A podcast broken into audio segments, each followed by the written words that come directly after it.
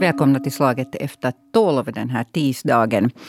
Eh, ja, då Natos generalsekreterare, norrmannen Jens Stoltenberg tillsammans med president Sauli Niinistö igår träffade den finländska pressen under en sån här presskonferens så ställdes det många frågor om huruvida dörren till Nato fortfarande är öppen för Finland. Eh, samtidigt så visar en färsk undersökning att allt fler finländare uppfattar Ryssland som ett betydande militärt hot. Och då ställer vi oss frågan att betyder det här nu att vi är redo för en ny debatt? En sån här riktig debatt om ett NATO-medlemskap i det här landet. Eh, det ska vi diskutera här idag. Eh, Eh, i synnerhet aktuellt är det här ju också eftersom det visar att en liten större andel av finländarna nu är NATO-positiva eller positiva till ett eventuellt medlemskap. Med mig här i studion i Helsingfors har jag den pensionerade konteramiralen och tidigare försvarsattachén i Finland, också norrman, Jörgen Berggrav. Välkommen. Tack. Så har jag journalisten Ingemo Lindros här. Du var med på den där presskonferensen igår. Ja, jag följde den på ja. distans, men jag har du, du följde lyssnat, med den. lyssnat noggrant där till varje ja. ord, så att säga. Varje ord. Eh, och med, med oss på distans från eh, studion i Vasa har vi ledarskribenten för Vasabladet, Dan Ekholm. Välkommen. Tack så mycket. Ja, om vi skulle, hej, jag tänkte att vi börjar nu eftersom det nu eh, näringsdelegationen Eva har mätt en massa frågor nu igen, att vad finländarna tänker om den. Och den här lilla eh, uppgången i de som eh, ser positivt på ett eventuellt NATO-medlemskap. Eh, hur skulle ni kommentera den? Om jag börjar med, med norrmannen i sällskapen, Jörgen Berggrav. Ja, jag tycker ju det är, det är intressant, men det är en, en ganska låg procentdel. Eh, likväl eh, i Norge så är det ju sån 75 procent eller någonting däromkring som, som, som stöder det norska NATO-medlemskapet. Och vi, vi kunde ju inte tänka oss alls att vara det förutan. Ja, så, så du, du, skulle liksom vänta dig att det skulle kunna vara högre i Finland? Ja, men det har väl inte varit en sån där riktig diskussion om det. Det är inte en, en, riktig debatt om det. Ja, vi, ska, vi ska prata Vad det betyder och vad det inte betyder. Eh, det ska vi diskutera här idag, just varför det, vart den debatten har tagit vägen. Hur kommenterar du Ingemo Lindros? Ja, det är ju ändå 40, 40 procent av, av de som har svarat som är emot ett NATO-medlemskap jämfört med då 26 som är, är för eller, eller lite mm. för så att säga. Och den här uppgången är, är 4 procentenheter från 22 till 26, 26 procent på ett år. Så det är inte så mycket? Det är inte så jättemycket i och för sig på ett år, li, lite mer än, än vad det har varit. Men vi tittar ju tillbaka här, här det där före sändningen på hur det har sett ut till exempel 1998, då var det lika högt som det var nu, så att om man tar det perspektivet så har det ju egentligen inte skett just mm. någonting på, på den punkten då. Mm. Vad, vad säger du Dan Ekholm, vad, vad tänker du om de här siffrorna? De avspeglar den eh, frånvaron av den debatt mm. som inte existerar Precis. egentligen kring de här frågorna. Att tidigare, den här ploppar ju upp alltid med jämna mellanrum och då kanske folk börjar tänka efter i de här banorna och så, men det är kanske ett, ett, en frånvaro av politiskt ledarskap i den här frågan som vi ser. Det får du utveckla lite. Hur, vilket, vem borde visa politiskt ledarskap att ta den här diskussionen? Ja, om det, om det är så att, att folk i, i, den politiska ledningen anser att det är viktigt att Finland går med i NATO, det anser en mm. del, mm. så då borde man väl föra något slags diskussion om den här frågan istället för att bara då försöka sopa den under mattan och, och hålla fast vid status quo det har ju länge förekommit en sån här diskussion om att, att, ja, att, att finländarna inte är beredda att gå med i, i NATO. Och också NATOs generalsekreterare Jens Stoltenberg sa samma sak, att, att det om, om folkopinionen i Finland är för ett NATO-medlemskap, så då är det möjligt. Mm. Men, men då borde det ju grunda sig på en, en opinionsbildning som, som talar för ett NATO-medlemskap, och någon sån opinionsbildning ser vi ju inte överhuvudtaget i, i det finländska samhället just nu, i den finländska samhällsdebatten. Uh, Jörgen uh, Berggrav här nickar. Uh, du var militärattaché i Finland, det är visserligen länge sedan, 96 till 1999. Och du sa att då också så fattades den här debatten. Vad, vad ja, tänker du? Jag vet inte om jag ska mm. våga mig på ett lite nu kan du våga jo, nu när du är, är Ett resonemang här om, om, om, om en sån här, uh, vad ska vi säga, sån säkerhetspolitisk DNA i Finland och i Norge, som är ganska olika. Okay. I Finland så har man ju hela tiden betonat att Finland kan klara sig eh, själv på egna krafter. Det står ju på Sveaborg, där hugger ni sten också tror jag. Lite inte på främmande hjälp. Mm. I Norge så har vi precis haft eh, den motsatta uppfattningen. Och i, som politik har det varit att Norge kan inte försvara sig på egen hand. Vi måste alltså göra det tillsammans med andra. Och det har, det har varit där som en, en premiss för hela debatten sedan 1949 tror jag det var. Så det är, det är precis motsatt eh, som i, i Finland. Och det är, det är svårt att man måste börja peta i sådana här sannheter om man ska diskutera det här på riktigt. Alltså börja peta i den här doktrinen att ja. vi nog klarar oss själva. Ja. Det är din teori. Hur, hur gott klarar man sig själva? Mm. Och, och vad tycker den andra sidan är um, avskräckande, det mest avskräckande? Jag, jag tycker ju att, att, det som kanske är intressant att jämföra i den här frågan, så, så var den här eh, EVA-mätningen som presenterades igår, inte när det gäller NATO-medlemskapet, utan när det gäller till exempel frågan om, om man ser att Ryssland utgör ett betydande militärt hot, mm. så anser 59 procent av finländarna att det är så. Och det här är en väldigt stor uppgång eh, om man jämför med till exempel hur det var för 17 år sedan, år 2005, eller det blir 16 år sedan. Eh, så då, då var det 31 procent av finländarna som ansåg att Ryssland utgjorde ett betydande militärt hot. Så här har det ju skett en, en väldig förskjutning och det har ju hänt många tråkiga saker där Ryssland har varit inkopplad eh, sedan dess. Det var 2008 var det Georgienkriget och krisen där, Abhazien. Sen var det givetvis Krimkrisen 2014 och annekter, Rysslands annektering av, av Krimhalvön. Och, och sen då Rysslands eh, engagemang i kriget i Syrien där man bombar civila och, och sen nu då senast hur, hur Navalny, Alexej Navalny, oppositionspolitikern, först förgiftas och när man inte lyckas ta koll på honom så sätter man honom i fängelse. Och det, det här är ju saker som alla finländare är pinsamt medvetna om att det inte står rätt till i vårt östra grannland. Mm. Ingemar Lindros, vad om det här? Jo, jag tror mm. att de här sakerna säkert hänger ihop, att varför det här eh, NATO-stödet i Finland också har gått en aningen upp, så det hänger helt säkert ihop med inställningen till, till eh, Ryssland och ryssar eh, i förlängningen, då det handlar om, om allt möjligt. Men att jag tänker att det som är intressant är att se hur presidentens åsikt har en, en jättestor inverkan äh, på mm. finländarnas NATO-opinion. Och, och, det har ju också undersökts att, att det har en betydelse eftersom eh, president Sauli Niinistö har, har legat så pass lågt Mm. i äh, debatten och hela tiden betonar den här dialogen. Och att, att det gjorde han igår också. Precis, det gjorde ja. han igår. Och jag tänker att här är det också intressant att diskutera att, att hur långt bär då den här dialogen? Finland är ju ett av få länder som, som håller igång den här dialogen och där sa ju Jens Stoltenberg också att det har en, en det kan ha en bra betydelse, viktig betydelse för NATO-länderna att Finland håller igång den här dialogen eftersom Finland ändå har den där traditionen och, och vissa sådana kontakter. Mm. Eh, sen tänker jag att en annan sak som är intressant att fundera på här när man, man funderar på hur långt räcker, räcker det som, som vi har nu. Eh, president Niinistö har ju förklarat sin, eh, sin orsaken till att han inte just nu aktivt vill driva på ett NATO-medlemskap till med, med liksom vissa historiska förklaringar att, att man har sett i tidigare konflikter att eh, länder ändå kan gå samman i nya samarbeten och, och komma varandra till hjälp. Mm. Eh, han säger ju inte hemskt mycket mer än det här, men, men det ger ju möjlighet till att, att fantisera mm. kring alla möjliga scenarier och det tycker jag är intressant. Ja, det är mycket, det är mycket intressant och, och, det är klart att det är möjligt att göra det, men det är klart att det blir hemskt mycket bättre om man kan förbereda sig på det. Alltså ad hoc-lösningar, det är äh, aldrig det bästa. Och, och så är det så att det har ju inte den samma avskräckande effekten heller på en, en, en potentiell motståndare. Man vet, man kan gambla. Kommer kom, kom Finland att få någon hjälp eller kommer de inte att få någon hjälp? Det är, det är någonting som blir upp till till motståndaren, eller Ryssland om man vill, att spekulera i.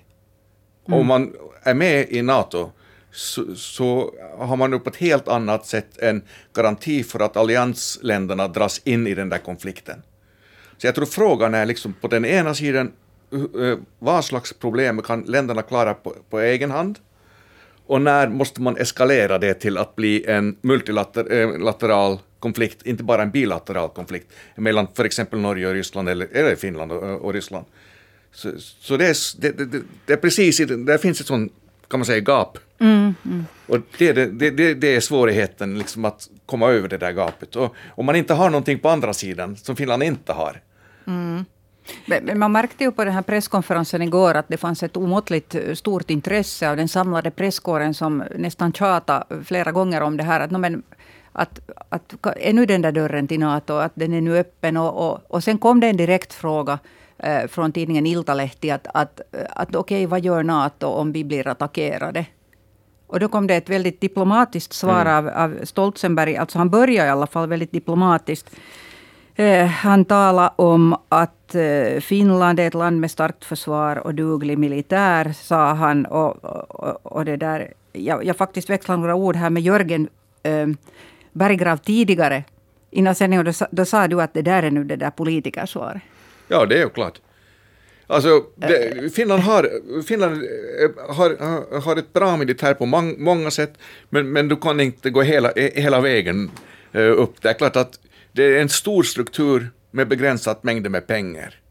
Så du menar att det här var ett sånt här diplomatiskt uh, vackert prat, men sen gick eh, Stoltenberg och sa uh, att ja, att uh, ni, har inte, ni är inte medlemmar, så artikel 5 mm. kommer inte alltså gäller inte. Mm. Mm, och det, mm. det är ju, om jag får flika ja, in här, så varsågod. tycker jag att det, det, här är ju, på ett sätt så slår han ju in öppna dörrar, det är ju självklart allt det han sa. Mm. Jag menar, Finland har ett, ett tro, vår försvarspolitiska doktrin bygger på ett självständigt, vi är militärt alliansfria, mm. inte politiskt kanske till alla delar, men militärt alliansfria, och har ett självständigt trovärdigt försvar och har en NATO-option, det vill säga vi förbehåller oss rätten att ansöka om ett NATO-medlemskap om situationen så skulle kräva. kunde man kanske tolka det som. Och, och, det är ju egentligen det som Jens Stoltenberg säger också, att, att eh, vi, vi, har inte, vi får inte vara i åtnjutande av, av de artikel 5 säkerhetsgarantier som andra NATO, som NATO-medlemmarna har.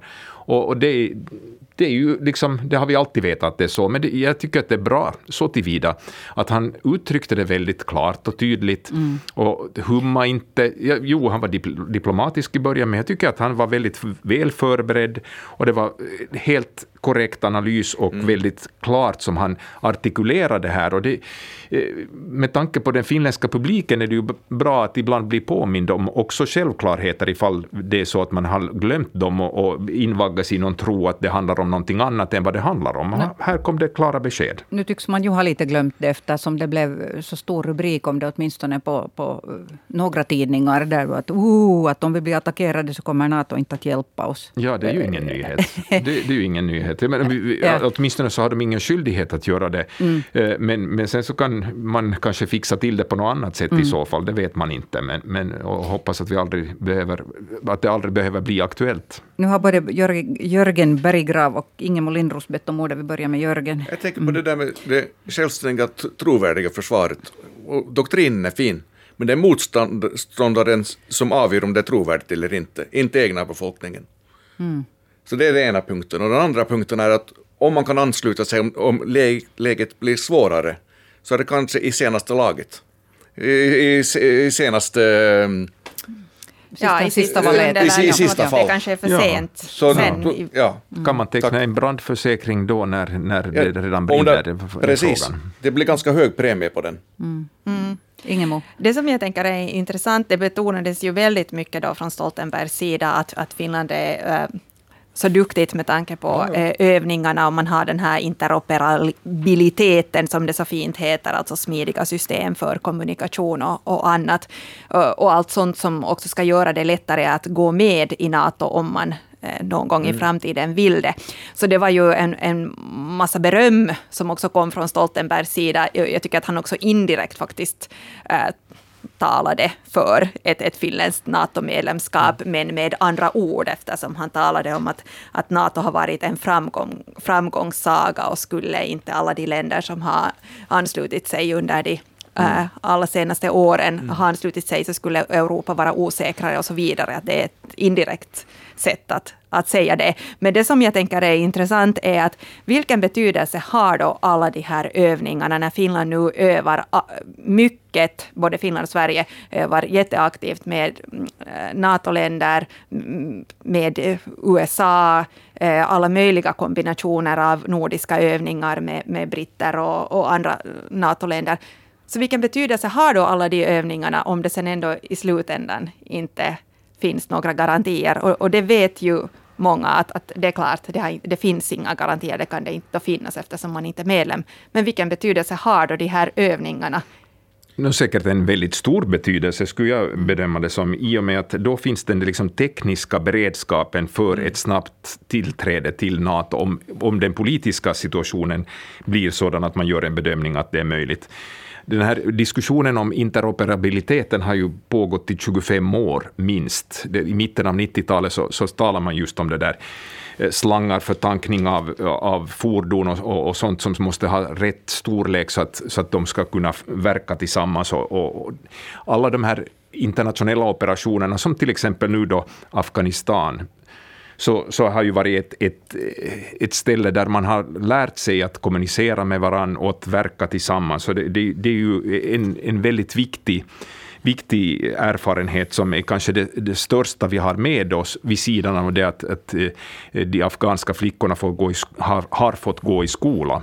Nu är framtiden osäker på den punkten, men eh, erfarenheten som vi tar med oss i bagaget från från Nazari Sharif eller någon annanstans, så är just det att, att man kan verka tillsammans med NATO-trupper.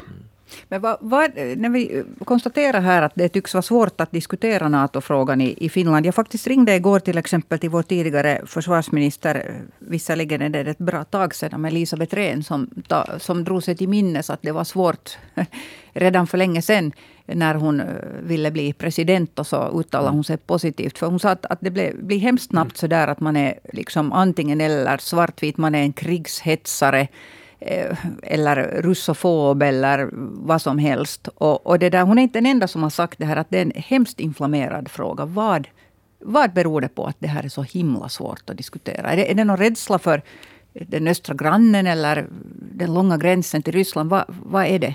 Ja, men det är klart, det, det, ja. som du säger, det, det, är klart Ryssland motsätter sig ett finländskt NATO-medlemskap och, och förhåller sig jätteskeptiskt till det och man, man vill försöka upprätthålla en god relation till Ryssland så långt som det bara är möjligt. Men, men när vi alla ser tecken på att, att eh, Ryssland går allt mer i en riktning mot en diktatur där, där medborgerliga rättigheter kringskärs allt mera för varje dag som går och det går förhållandevis snabbt nu. och, och, och hur ska vi förhålla oss till det här? Det, kan vi fortsätta, fortsättningsvis förlita oss på att eh, det finns någon slags förutsägbarhet i relationen med, mellan Finland och Ryssland. Och det, det kanske det finns. Och, och jag menar, eh, Sauli Niinistö har varit en garant för det här och han har klarat det med, med briljans eh, att upprätthålla relationerna till, till alla stormakter i världen, till USA också under Trumps tid, vilket det var få europeer som kunde, eh, och sen till, till Moskva och sen till Peking. Det har han klarat med, med, med glans. Men måste han nu då den här veckan tydligen åka till Moskva för att, att säga att det var inte så farligt att, att eh, NATOs ambassadörer, 30 stycken, var här och och, och vi talar med dem, det betyder inte att någonting ska ändras eller så. Eller, det, det slog mig också att, att det är ju en intressant tidpunkt faktiskt. Jo, det är mm. knappast ett sammanträffande. Mm. Jag, jag, jag, tänker här, uh, när jag jobbade en tid i Sverige och följde med NATO-debatten där, där har man ju inte skrivit in det här med, med en NATO-option. Mm. Som är ju en väldigt omdebatterad fråga, fråga i Finland att vad betyder den här optionen eftersom det ändå inte betyder att skriva in att vi ska ansöka om medlemskap i NATO, men det handlar om att vi ska hålla dörren öppen så att mm. säga. Det här är ju någonting som, som alla regeringar, de senaste regeringarna i Finland har, har omfattat. Men i Sverige så är det ju en, en mycket mer politisk fråga att, att skriver man in äh, NATO-option i försvarsstrategin så då äh, tolkas det som att det är ett steg Eh, bort från alliansfriheten, redan det att man skriver in det. Så här, här är det ju ändå en skillnad. I Sverige mm, kommenterar man ofta att nej, men i Finland så så vågar ni ju ändå diskutera den här frågan. Ja, så det är ju det lite hur man ser på det. Det blev mm. nog väldigt besynnerlig den här diskussionen om Sverige här i Finland också, för att jag menar, Sverige gjorde då, det var riksdagen som gick emot regeringen och, och Sveriges riksdag krävde att det skulle skriva, göras en skrivning om, om en NATO-option, trots att regeringen inte ville det. Och, och då blev diskussionen i Finland att överger Sverige oss nu och går med i NATO och gör, gör på samma sätt som när, när, Finland, eh, när, när Sverige meddelade att de ansökte om medlemskap i EG, senare EU, utan att tillräckligt informera att oss på förhand. Ja. ja. Så det blev en, en sån besynnerlig situation när Sverige följde Finland och gjorde, försökte, de borgerliga partierna i Sveriges riksdag försökte göra detsamma som hela Finlands regering och riksdag har gjort, det vill säga har en NATO-option. Och då, då, då tolkades det i Finland som att nu överger Sverige oss. Mm. Och, men i Sverige är det uttryckligen en, en fråga där, där det, det röda och det, det blåa blocket skiljer sig från varandra. Att en socialdemokratisk regering skriver inte in en NATO-option, medan här är det ju mer så här att nej, men alla tycker väl att det är bra att den nu är inskriven där. Mm. Så där tänker jag att det lite skiljer sig. Men sen kan man ju fundera att, att diskuteras NATO då sådär annars i Finland bland, bland folk överlag. Det har, det har ju inte varit en valfråga på, väldigt Nej, länge. men det, det är det jag också här funderar på, att vem är det som borde föra den? Att, att vem är det som ska besluta den här mm. frågan? För att mm. tidigare har man ju talat för länge sedan om att man borde ordna en folkomröstning om NATO. Är det här nu en fråga som, som folket, ska, är det en folklig liksom diskussion, eller är det en expertfråga, eller är det en politikerdiskussion? Vem är det som ska liksom föra den här diskussionen? Politikerna i Finlands riksdag representerar ja, ja, Finlands folk. Och det här är en jättekomplicerad fråga. Och, och, med de erfarenheter vi har från den senaste tiden av utländsk hybridpåverkan i olika diskussioner, det, det, är inte så att det här enbart då blir en finländsk fråga, utan som vi vet så, så finns den här hybridpåverkan på webben, på sociala medier, som kommer utifrån. Och blir det då en, en, en finländsk diskussion där Finland beslutar om sitt, utan då, då är det kanske mer önskvärt att de som är bättre insatta i den här diskussionen och som har ett politiskt ansvar för hur det går för den här republiken tar det ansvaret och mm. fattar det. Det, är ju liksom filosofiskt uh, olika sätt att se på det här. Att, att ska du undfly du ditt ansvar eller tar du ditt ansvar om du ger en sak till en folkomröstning? Det, det är en intressant fråga, men ofta är det ju liksom så att politiker Eh, tycker att svåra frågor är en för het potatis och så, så vill man då liksom slippa den här frågan mm. och därför skjuter man över den till, till befolkningen och så tvår man sina händer. Men det är inte alltid det som är ett eh, ska vi säga, ansvarsfullt ledarskap. Jörgen? Eh... Nej, precis samma åsikt. Det är klart ja. att fin, finnarna måste själv bestämma om man ska ha folkomröstning eller vem som ska besluta mm. det. Men, men själv så är jag precis samma åsikt. Det här är en jättekomplicerad Eh, pro, eh, pro, problem. Och det, det, är också mycket sekretessbelagda information som ligger i, bot, i botten där. Så det måste ju vara liksom eh, riktigt eh, man måste ha en riktig grund för, för att dra ett sånt här, här beslut. Och det, mm. det är svårigheten. Man, man måste ju jämföra både säga, militär, militärisk kapacitet med politiska eh, saker som mm. kommer i kölvattnet av, av det här. Och, hur kommer ryssarna att reagera eller inte reagera och så vidare och så vidare. Så det, det, det är jättesvårt. Det, ja, det, det, man kan inte jämföra de här sakerna. Det, det är ju svårt när, när man talar om hybridkrigföring också. Så drar man liksom bara det, det militära ur den saken och tittar på det ensam. Man måste ju titta på, hel, på hela bredden av det. Mm. Det här är jätteintressant, mm. att hur skulle en sån här diskussion då se, se ut? För att, och å andra sidan är det, det här har ju mycket att göra med ett lands identitet och, mm. och Finland som har den här eh, precis som Sverige, den här identiteten att vi, vi kan till exempel bjuda in till internationella toppmöten för att det är så att säga på neutral mark och sånt som, som landet har utnyttjat också mm. mycket i, i, internationell politik. Och man tänker att det är en så pass stor och viktig fråga att där borde folket få ha mm. någonting också att ja. säga till om. In, inför ett äh, riksdagsval kan man ju till exempel göra det. Precis. Eh, ska man föra den här typen av diskussioner. Och visst förs ju de här diskussionerna delvis inför presidentvalskampanjerna också. Mm. Men sen har jag förstått att, att, att NATO gärna önskar att man eh, för de här processerna genom folkomröstningar för att så här stora beslut inte ska vara eh, så beroende av vilken färg det är på, på regeringen just no, ja. under nej, de fyra åren jag, till exempel. Jag tror inte att det, det, man säger att det, det ska vara en folkopinion för det här, men hur mäter du en folkopinion? Är det, gör, är det liksom näringslivets delegationsmätning, eller är det eh, de som är i riksdagen valda för att representera finländarna? det här har inte NATO definierat i liksom detalj om jag har förstått mm. saken rätt. Jörgen har kanske jag, tror, jag tror det är rätt. Det, mm. Jag tror inte man jag, åtminstone vet jag, känner jag inte till att man vill ha någon folkomröstning. Det ska vara en, en stöd, stödjande opinion. Mm, folkopinion. Ja. Mm. Och sen, sen är det intressant det du säger mm. om det här nationell identitet. Och det är klart att Finland har ju byggt den här identiteten i Försvarsmakten mycket, mycket starkt. Och de tre år när jag var här som försvarsattaché, man märker, man märker det väldigt, väldigt tydligt. Helt annorlunda än, äh, än i Norge till exempel. Starka finska soldaten och, och allt det här. Och det är klart, man har ju, man har ju klart många saker också med, med, med, med, med finska, finska soldater och det har en helt annan impact eh, än om man om man inte hade gjort det där. Det är ett av de tre eh, huvudstäderna i Europa som inte ockuperats under andra världskriget. Mm. Det är klart det har en stor betydelse också, också för, för, för ryssarna skulle jag tro. Och det var, jag tyckte det var en av de intressanta sakerna i det som Stoltenberg sa igår vid presskonferensen i Helsingfors, så var just det här att han, äh, han äh, gav kredit till, till det finska försvaret, att det är ett mm. trovärdigt försvar och ett, ett dugligt försvar och, och, att det liksom bidrar till stabilitet i Östersjöregionen. Oberoende om det är, är NATO-medlem eller inte, så är vi mm. kanske inte liksom eh, säkerhetskonsumenter, utan vi är säkerhetsproducenter. Mm.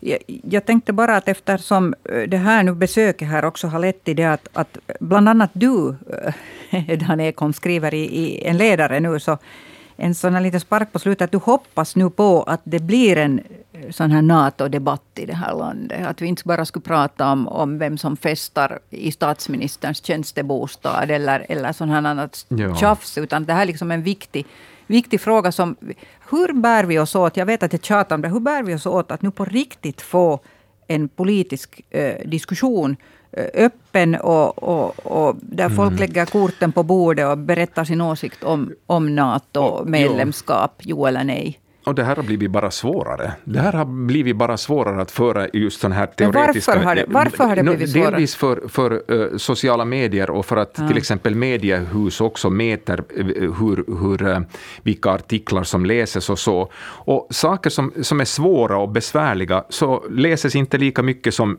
som Sanna Marins festande. Det, det, det, det är så, vilket gör att det blir en banalisering av den politiska diskussionen. Och det gör att, att vi, vi går från ett rätt så upplyst samhälle till ett mindre upplyst samhälle. Och det gör att det, det talar ännu mindre för att vi ska hålla folkomröstningar i sådana här frågor, jämfört med hur det var när, när liksom diskussionen var på en högre nivå i samhället än vad den är idag.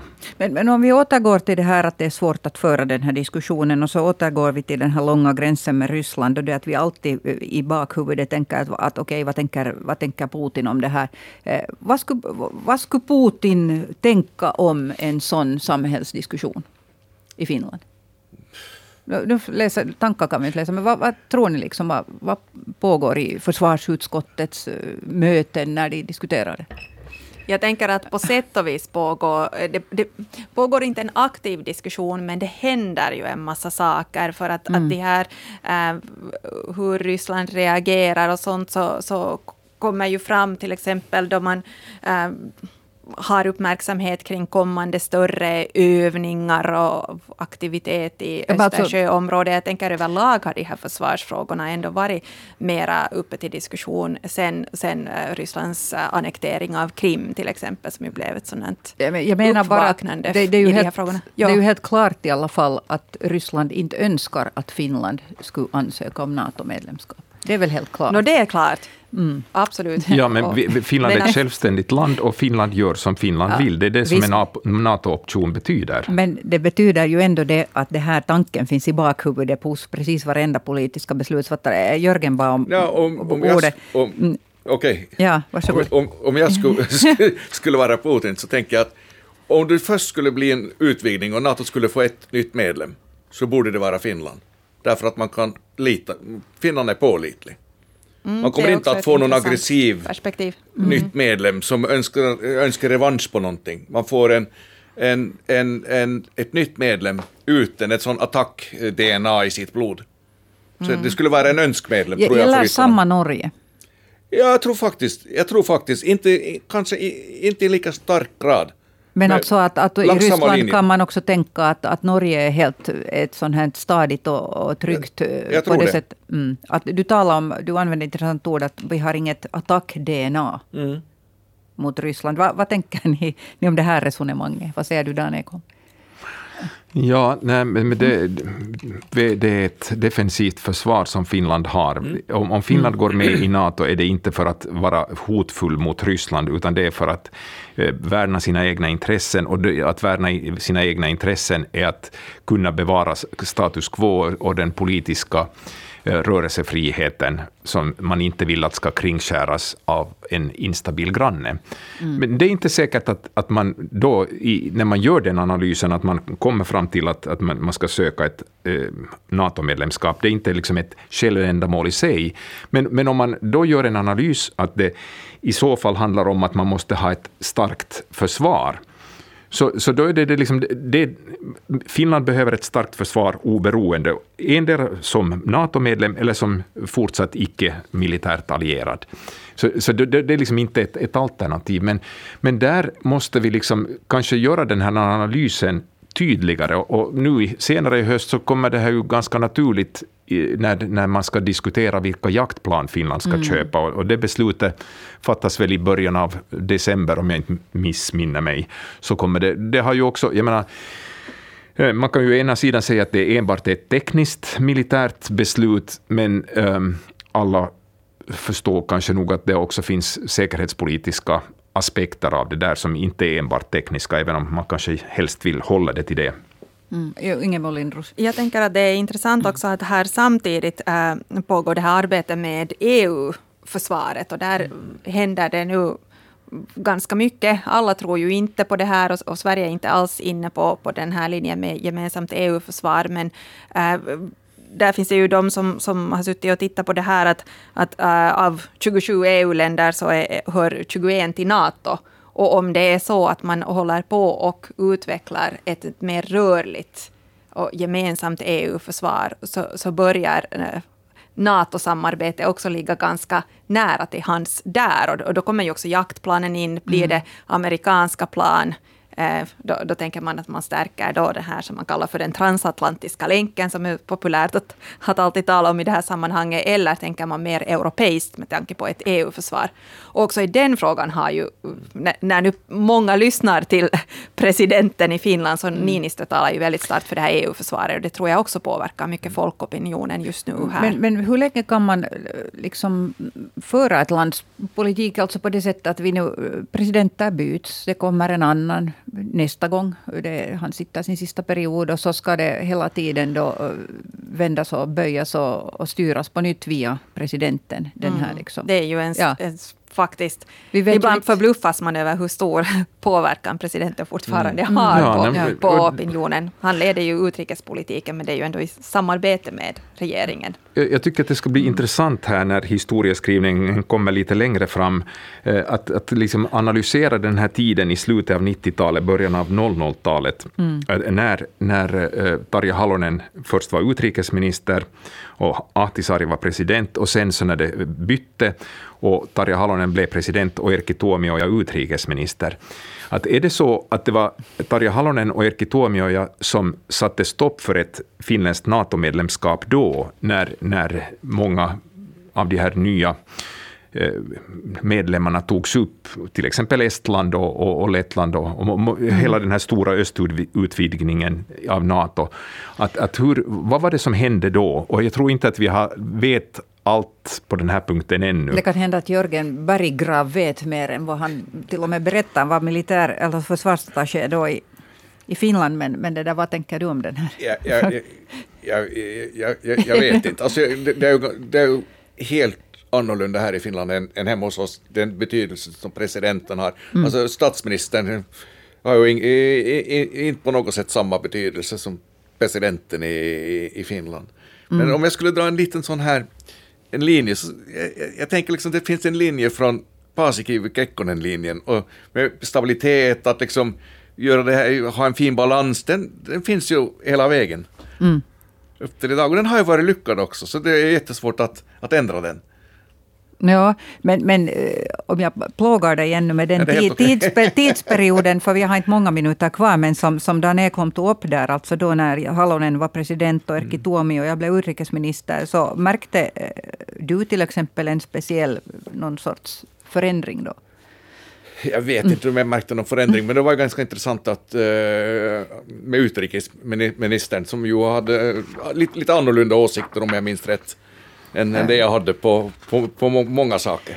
Nu kom diplomaten i dig fram i alla fall. Nej, men, men, det här är intressant för att, att liksom, NATO-inställningen var, var, ungefär på samma nivå som idag just då, de här ja. åren, men fick sig då givetvis en törn när, när den här folkrättsvidriga invasionen av Irak ägde rum, som ju, till exempel Danmark och Norge också deltog i, som, som ju blev, som kanske gjorde att, att många i Finland sa nej, den där organisationen som tvingar oss till ett, ett krig i Irak, så den, den vill vi inte vara med i.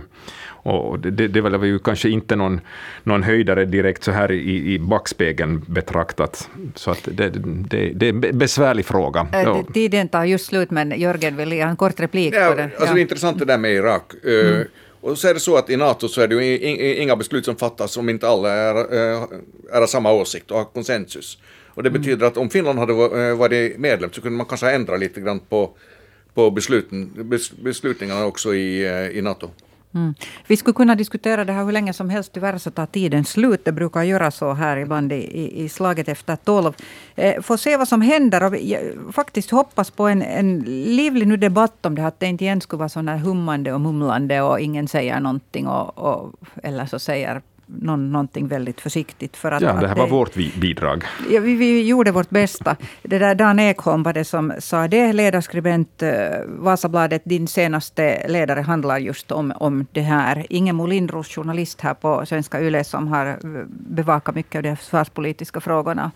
Tack för din medverkan idag. Och eh, vår gäst från Norge heter Jörgen Berggrav, pensionerad kontraamiral med förflutet också inom NATO, också som eh, försvarsattaché i Finland. Det var angenämt. Ha en god fortsättning på dagen. Hör ni en ny debatt blir det imorgon samma tid, samma kanal. Hej då.